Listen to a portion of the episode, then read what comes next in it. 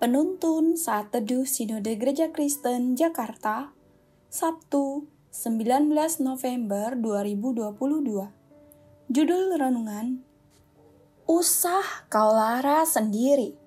Nats Alkitab terambil di dalam kitab Ayub pasal 2 ayat 11 sampai 13. Ketika ketiga sahabat Ayub mendengar kabar tentang segala malapetaka yang menimpa dia, maka datanglah mereka dari tempatnya masing-masing, yakni Elifas orang Teman dan Bildad orang Suah, serta Zofar orang Naaman. Mereka bersepakat untuk mengucapkan belasungkawa kepadanya dan menghibur dia Ketika mereka memandang dari jauh, mereka tidak mengenalnya lagi. Lalu menangislah mereka dengan suara nyaring. Mereka mengoyak jubahnya dan menaburkan debu di kepala terhadap langit. Lalu mereka duduk bersama-sama dia di tanah selama tujuh hari tujuh malam seorang pun tidak mengucapkan sepatah kata kepadanya, karena mereka melihat bahwa sangat berat penderitaannya. Letakkanlah tanganmu di atas bahuku, biar terbagi beban itu, dan tegar dirimu. Di depan sana, cahaya kecil tuk memandu. Tak hilang arah kita berjalan menghadapinya. Demikian sepenggal syair lagu Tak Usah Lara Sendiri yang dinyanyikan oleh Katon Bagaskara dan Ruth Sahanaya. Lagu ini ditulis untuk para penderita AIDS yang di Indonesia. Menurut data resmi, kini telah mencapai puluhan ribu orang.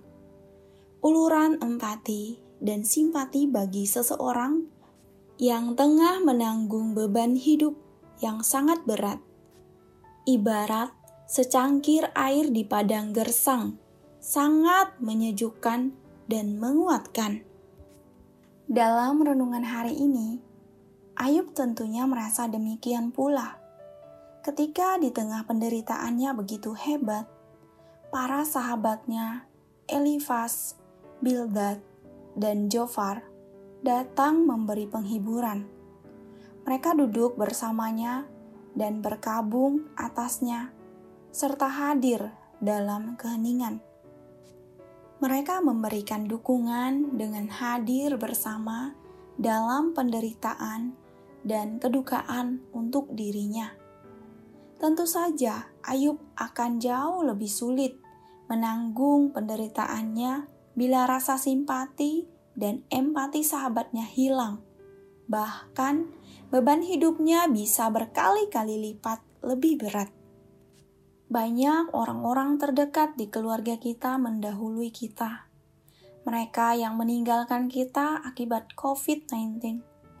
Mereka pun merasa sangat kesepian. Tidak punya tempat untuk mengungkapkan perasaan sedihnya akibat ditinggalkan orang yang mereka cintai dalam keadaan demikian, banyak saudara kita membutuhkan kehadiran kita. Kita perlu ingat, biarpun pandemi berlalu, perasaan tidak diperhatikan dan ditinggalkan ternyata jauh lebih berbahaya dari virus COVID-19 tersebut.